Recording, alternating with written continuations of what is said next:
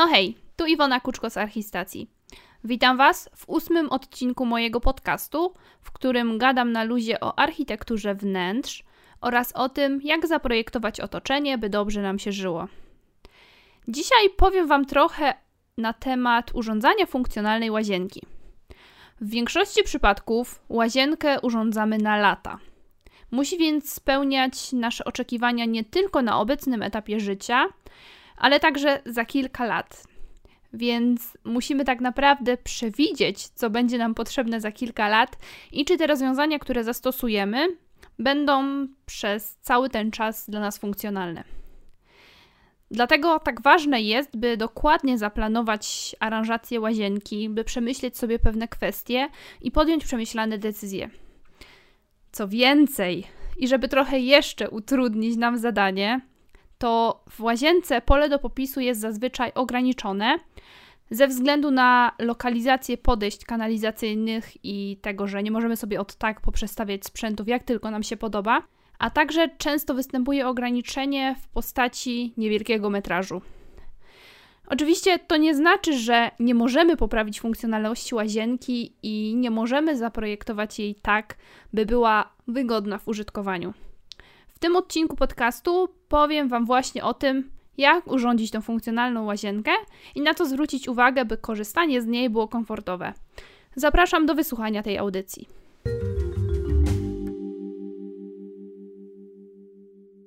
Zaczniemy sobie od odległości między sanitariatami. Według zasad ergonomii, odległość między poszczególnymi elementami wyposażenia łazienki, a także pomiędzy niektórymi sanitariatami a ścianą, powinny wynosić około 20-30 cm. Dzięki takim odległościom my mamy niejako taką gwarancję wygodnego korzystania ze sprzętów, no i z tych elementów wyposażenia.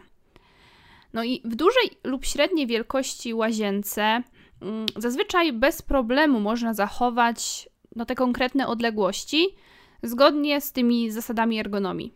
Schody natomiast zaczynają się w przypadku, gdy łazienka jest niewielka i zmieszczenie w niej czegokolwiek graniczy z cudem, nie mówiąc już o wygodnym poruszaniu się i zachowaniu, nie wiem, kilkudziesięciu centymetrów odległości między poszczególnymi sanitariatami.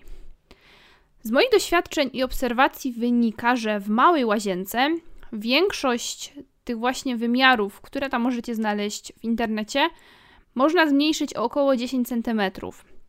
By na przykład wygodnie korzystać z miski ustępowej, zazwyczaj wystarczy zapewnić odległość około 20 cm między jej boczną krawędzią a ścianą.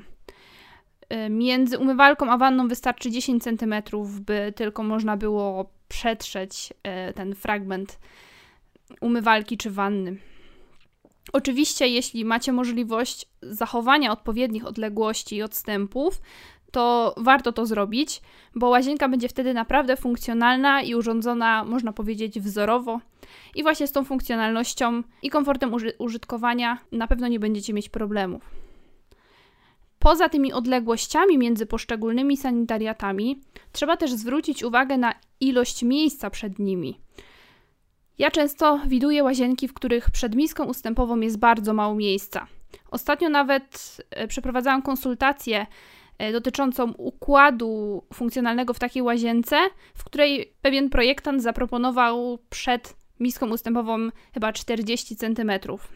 A to jest zdecydowanie zbyt mało, bo według mnie powinno być to minimum 55-60 cm, choć trzeba to oczywiście dopasować do własnych potrzeb.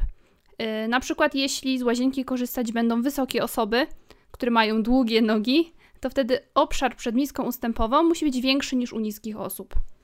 Trzeba także pomyśleć, ile miejsca potrzebujemy, by wyjść wygodnie z wanny, wytrzeć się, ubrać. No, na to musimy sobie pozostawić przestrzeń. I oczywiście można właśnie w internecie znaleźć różne wymiary, różne normy, które pozwolą właśnie wygodnie korzystać z łazienki ale też można sobie po prostu zmierzyć, ile, jakie na przykład mamy wymiary w obecnej łazience i zastanowić się, czy korzystanie z wanny, umywalki, prysznica, miski ustępowej jest dla nas wygodne.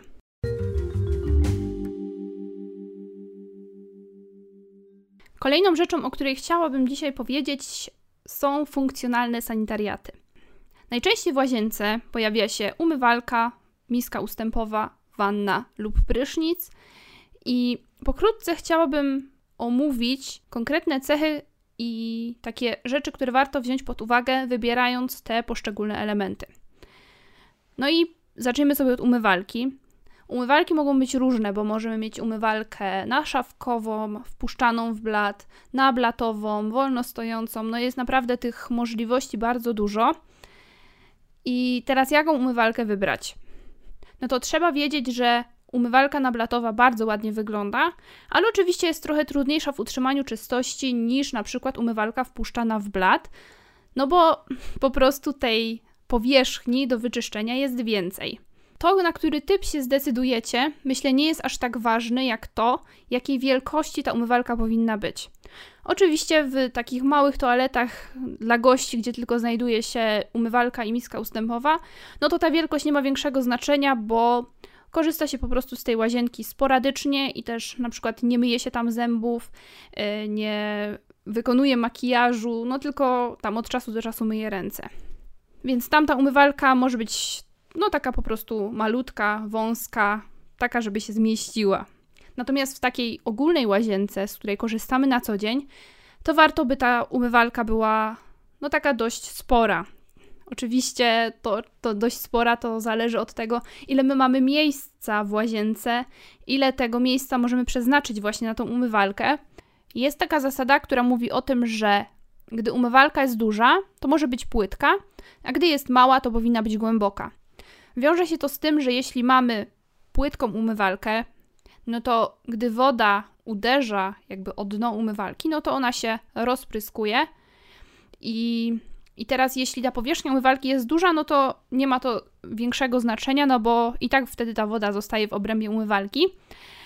E, a gdy mamy mniejszą umywalkę, to ta chlapiąca woda powinna być zatrzymywana przez ścianki. Kolejnym takim elementem jest miska ustępowa. No i tutaj mamy w zasadzie do wyboru albo miskę y, podwieszaną, czyli ze stelażem podtynkowym, albo mamy kompaktową miskę, która jest po prostu no taka standardowa i teraz w zasadzie używa się ją już dosyć rzadko. Y, którą miskę wybrać? No na pewno bardziej nowocześnie wygląda miska ustępowa ze stelażem y, zabudowanym. Jest też łatwiejsza w utrzymaniu czystości, no bo w zasadzie mamy do wyczyszczenia samą miskę. No i też bez problemu możemy sobie wyczyścić jakby ją pod spodem, a z tym kompaktem jest już to bardziej skomplikowane, bo tych zakamarków jest po prostu więcej. Następnym elementem jest wanna. No i my wyróżniamy kilka rodzajów wanien, e, ale tak ogólnie można podzielić je na wanny do zabudowy i wanny wolnostojące. Który typ wanny jest łatwiejszy w utrzymaniu czystości? No oczywiście jest to wanna w zabudowie, bo taka wanna ma mniej powierzchni, które trzeba wyczyścić. Ale znowu wolnostojąca wygląda ładniej, nadaje takiego stylu domowego spa. I co zrobić, jeśli chcemy wstawić wannę wolnostojącą do małej łazienki? Czy w ogóle można to zrobić? No i taka typowa wanna wolnostojąca raczej w małej łazience się nie sprawdzi, bo ważne jest, by umożliwić dostęp do wanny ze wszystkich stron, po to, by móc ją na przykład wyczyścić, by wytrzeć wodę, która się wylała. Potrzebujemy na to minimum 15 cm z każdej strony, no co niestety w małych łazienkach jest raczej nie do osiągnięcia. Jest jednak rozwiązanie, które jest idealne e, do zastosowania na mniejszych powierzchniach, a dokładnie jest to wanna wolnostojąca przyścienna, która styka się jednym tym dłuższym bokiem ze ścianą. Taki model e, lepiej nada się do małych łazienek niż taka typowa wanna wolnostojąca. No i ostatnim elementem e, jest prysznic. No i tu też oczywiście zależy od wielkości łazienki. Możemy zdecydować się na prysznic typu walk-in, czyli tak naprawdę tylko taką pojedynczą szybę oddzielającą y, strefę prysznica od pozostałej części łazienki. No tylko, że taka szyba, ona powinna być dosyć szeroka i myślę, że jeśli będzie miała 110-120 cm, no to będzie już w porządku, no i woda nie będzie dostawać się do tej części powiedzmy suchej łazienki, tylko będzie zostawać pod prysznicem. Oczywiście też trzeba zadbać tam o odpowiedni spadek pod prysznicem, żeby woda się nie wylewała. No ale taki prysznic typu walk-in, no to najczęściej stosuje się w dużych łazienkach. W mniejszych łazienkach mamy do wyboru różnego rodzaju kabiny o różnym kształcie, z różnymi typami drzwi. Yy, mogą być drzwi przesuwne, mogą być drzwi uchylne, yy, mogą być drzwi składane.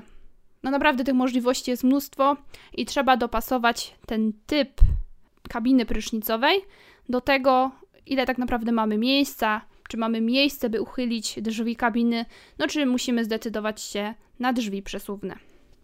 No i teraz pewnie zastanawiacie się, czy zdecydować się na prysznic z odpływem liniowym, czy z brodzikiem. No i tutaj znowu są dwa obozy, bo prysznic y, z odpływem liniowym jest na pewno praktyczniejszy, bo gdy wycieramy podłogę, to można sobie spokojnie całą powierzchnię łazienki wyczyścić. Y, druga kwestia jest taka, że zastosowanie prysznica z odpływem liniowym powiększa optycznie przestrzeń, no bo nie ma y, jakichś tam podziałów, które ten brodzik wprowadza. Niestety nie w każdej łazience da się zastosować ten prysznic z odpływem liniowym, a to dlatego, że na przykład stare budownictwo nie jest kompletnie do tego rozwiązania przystosowane, no bo kiedyś po prostu prysznica z odpływem liniowym się nie robiło, ale nawet w nowych mieszkaniach czasem jest problem z tym, że rura kanalizacyjna zamontowana jest zbyt wysoko, no i po prostu tego rozwiązania bez brodzika nie da się zastosować. Jeśli jednak zależy Wam na tym, by ten prysznic z odpływem liniowym się pojawił, ale nie można tego zrobić tak standardowo, no to możecie na przykład wykonać podest, yy, czyli po prostu tą strefę prysznica yy, zaplanować wyżej niż resztę łazienki. Trzeba jednak liczyć się z tym, że powstanie tam po prostu taki, nie wiem, kilku, kilkunastocentymetrowy próg, w zależności od tego, no ile tam tego miejsca będzie potrzebne. I warto wtedy na przykład zróżnicować sobie y, posadzki i inne płytki przewidzieć w tej strefie z prysznicem, a inne w pozostałej części łazienki. Wtedy aranżacja będzie taka bardzo ciekawa i też ten podest będzie wyglądał tak, jakby ta różnica wysokości była celowym zabiegiem po to, by oddzielić jedną część łazienki od drugiej części.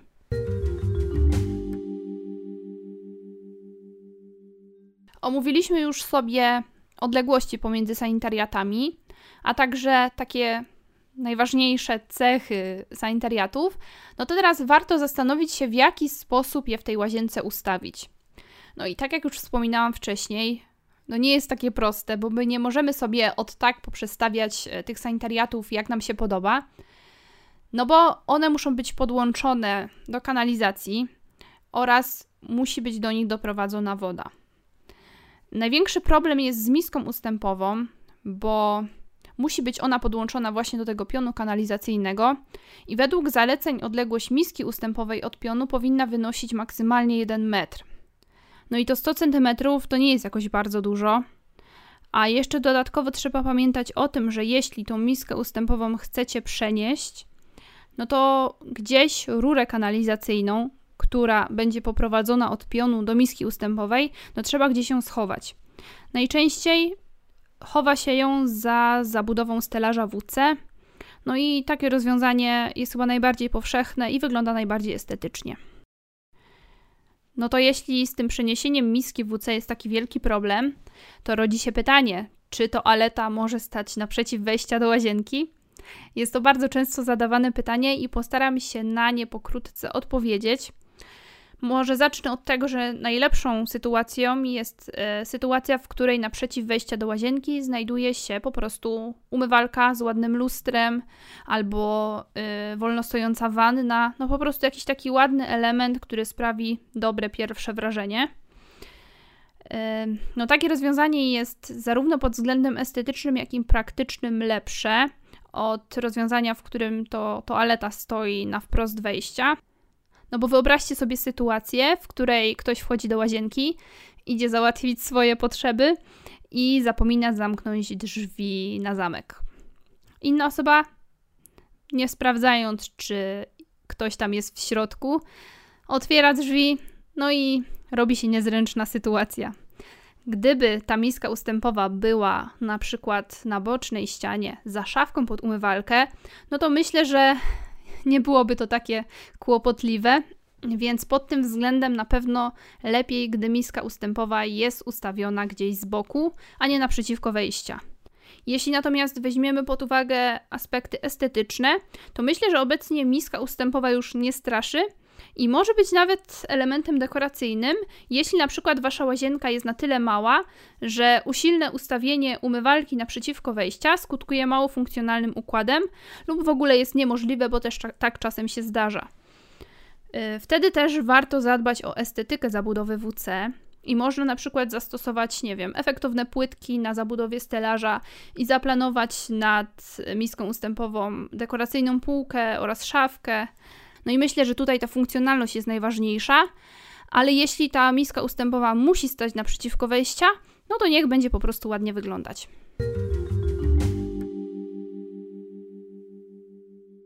Kolejną rzeczą, o której warto pamiętać, jest zaplanowanie miejsca na przedmioty codziennego użytku i takie mało atrakcyjne elementy. Zastanówcie się, gdzie schowacie kosz lub kosze na brudne ubrania, zapas papieru toaletowego, kosmetyki, detergenty i gdzie takie miejsce do przechowywania najlepiej zaplanować. No to są w zasadzie trzy takie najczęściej wykorzystywane miejsca, i pierwszym z nich jest szafka nad zabudową stelaża WC. Jeśli planujecie y, taką toaletę podwieszaną właśnie ze stelażem, no to można to miejsce nad zabudową wykorzystać. Zamówić u stolarza płytką szafkę, w której zmieszczą się kosmetyki, papier toaletowy i inne takie trochę mniejsze rzeczy. Kolejnym miejscem jest szafka pod umywalkę. No i tutaj najlepiej, jeśli będzie miała szuflady, no chyba, że macie gdzieś w innej części łazienki miejsca do przechowywania w formie szuflad, no to tutaj możecie pozwolić sobie na inne rozwiązanie. No i trzecia rzecz to warto pomyśleć o wykonaniu zabudowy na wymiar. I w tej zabudowie pochować ręczniki, kosze na pranie i takie większe rzeczy, które w łazience chcemy, by się znalazły. Jest jeszcze jedna rzecz, mm, jeśli chodzi o takie przechowywanie w łazience, a mianowicie miejsce na kosmetyki, które znajdują się przy wannie lub prysznicu. No i fajnym rozwiązaniem jest na przykład stworzenie takiej wnęki w zabudowie, na której ustawimy kosmetyki, no takie, których po prostu używamy na co dzień. Trzeba jednak pamiętać, że jeśli taką wnękę wykonamy, na przykład z płyt GK, no to łazienka zmniejszy się o kilkanaście centymetrów, no bo ta wnęka ma oczywiście swoją głębokość. I teraz w zależności od tego, czy ta wnęka ma być pod prysznicem, czy przy wannie, to wysokość jej montażu powinna być inna. No w prysznicu będzie to około, nie wiem, 120 cm, natomiast przy wannie może być to nawet 60 cm, czyli po prostu na równo z górną krawędzią wanny. Jeśli chodzi o wysokość takiej wnęki, no to tutaj musimy liczyć około 25-30 cm, no tak, żeby po prostu wszystkie kosmetyki się zmieściły.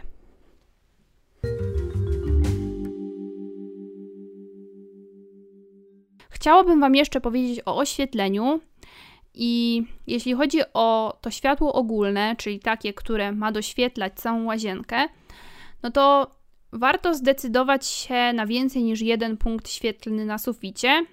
No chyba, że łazienka jest naprawdę mała i tego światła nie jest aż tak dużo potrzebne. Dobrze sprawdzają się na przykład plafony natynkowe lub e, oczka podtynkowe, które właśnie równomiernie tą łazienkę nam oświetlą. I też warto pamiętać o tym, by w strefie kąpieli zaplanować oświetlenie, czyli nad wanną lub prysznicem. W tym miejscu oprawy powinny mieć szczelność minimum IP44, bo będą narażone na intensywne parowanie wody, więc tą szczelność powinny mieć większą niż takie standardowe oprawy. Jeśli natomiast chodzi o paski LED, które na przykład mogą być umieszczone we wnęce pod prysznicem, no to tutaj ta oprawa powinna mieć jeszcze większą szczelność, no bo będzie narażona na bezpośredni kontakt z wodą. Warto zaplanować także oświetlenie funkcyjne, na przykład przy lustrze. Jeśli w łazience wykonujecie, nie wiem, makijaż lub się golicie, no to warto oświetlić równomiernie twarz, czyli najlepiej by te punkty oświetleniowe znalazły się po obu stronach lustra. Można też zastanowić się nad jakimś podłużnym kinkietem, który zamontujecie nad lustrem, lub po prostu możecie wybrać lustro z oświetleniem LED, które również równomiernie oświetli Wam twarz. Pozostaje nam jeszcze oświetlenie dekoracyjne, no najczęściej w formie właśnie tych pasków LEDowych, które mogą być zastosowane, nie wiem, pod szafką, we wnękach. No i jeszcze jest ważne to, żeby planując kilka rodzajów oświetlenia, móc nimi sterować niezależnie, no bo innego oświetlenia potrzebujemy podczas wykonywania makijażu, a innego podczas relaksującej kąpieli.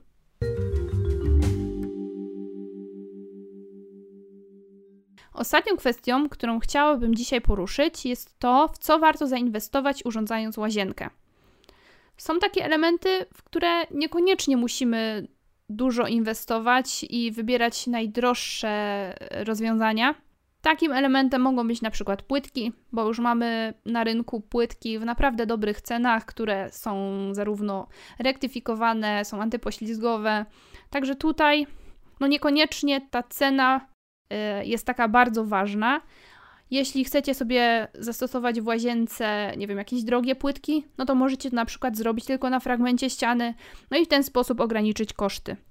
Ale jest kilka takich rzeczy, na których naprawdę nie warto oszczędzać, bo może się okazać, że wybierzemy najtańsze, a potem będziemy musieli dopłacić jeszcze większą kwotę niż wydalibyśmy na porządne elementy wyposażenia.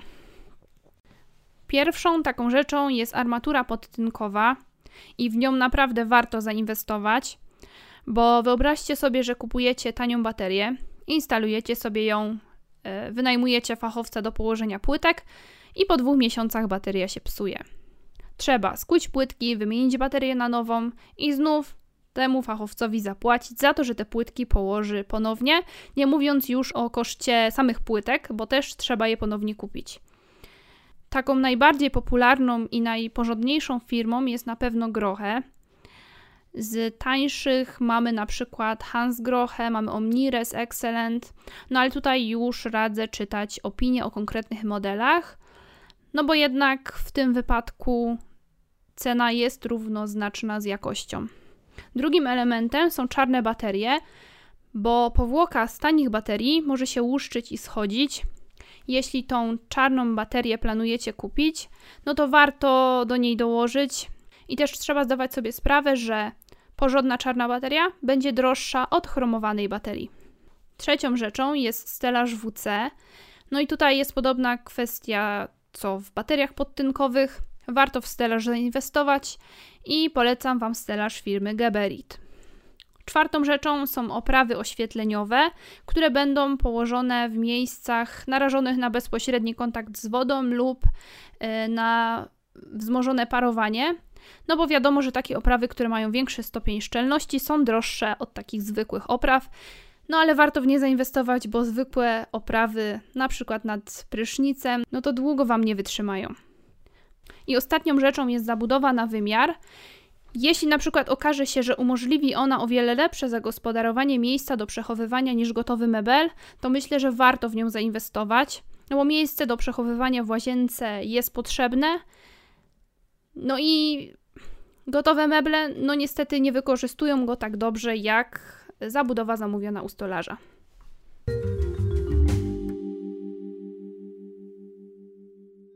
To wszystko, co chciałam Wam dziś powiedzieć na temat funkcjonalnej łazienki.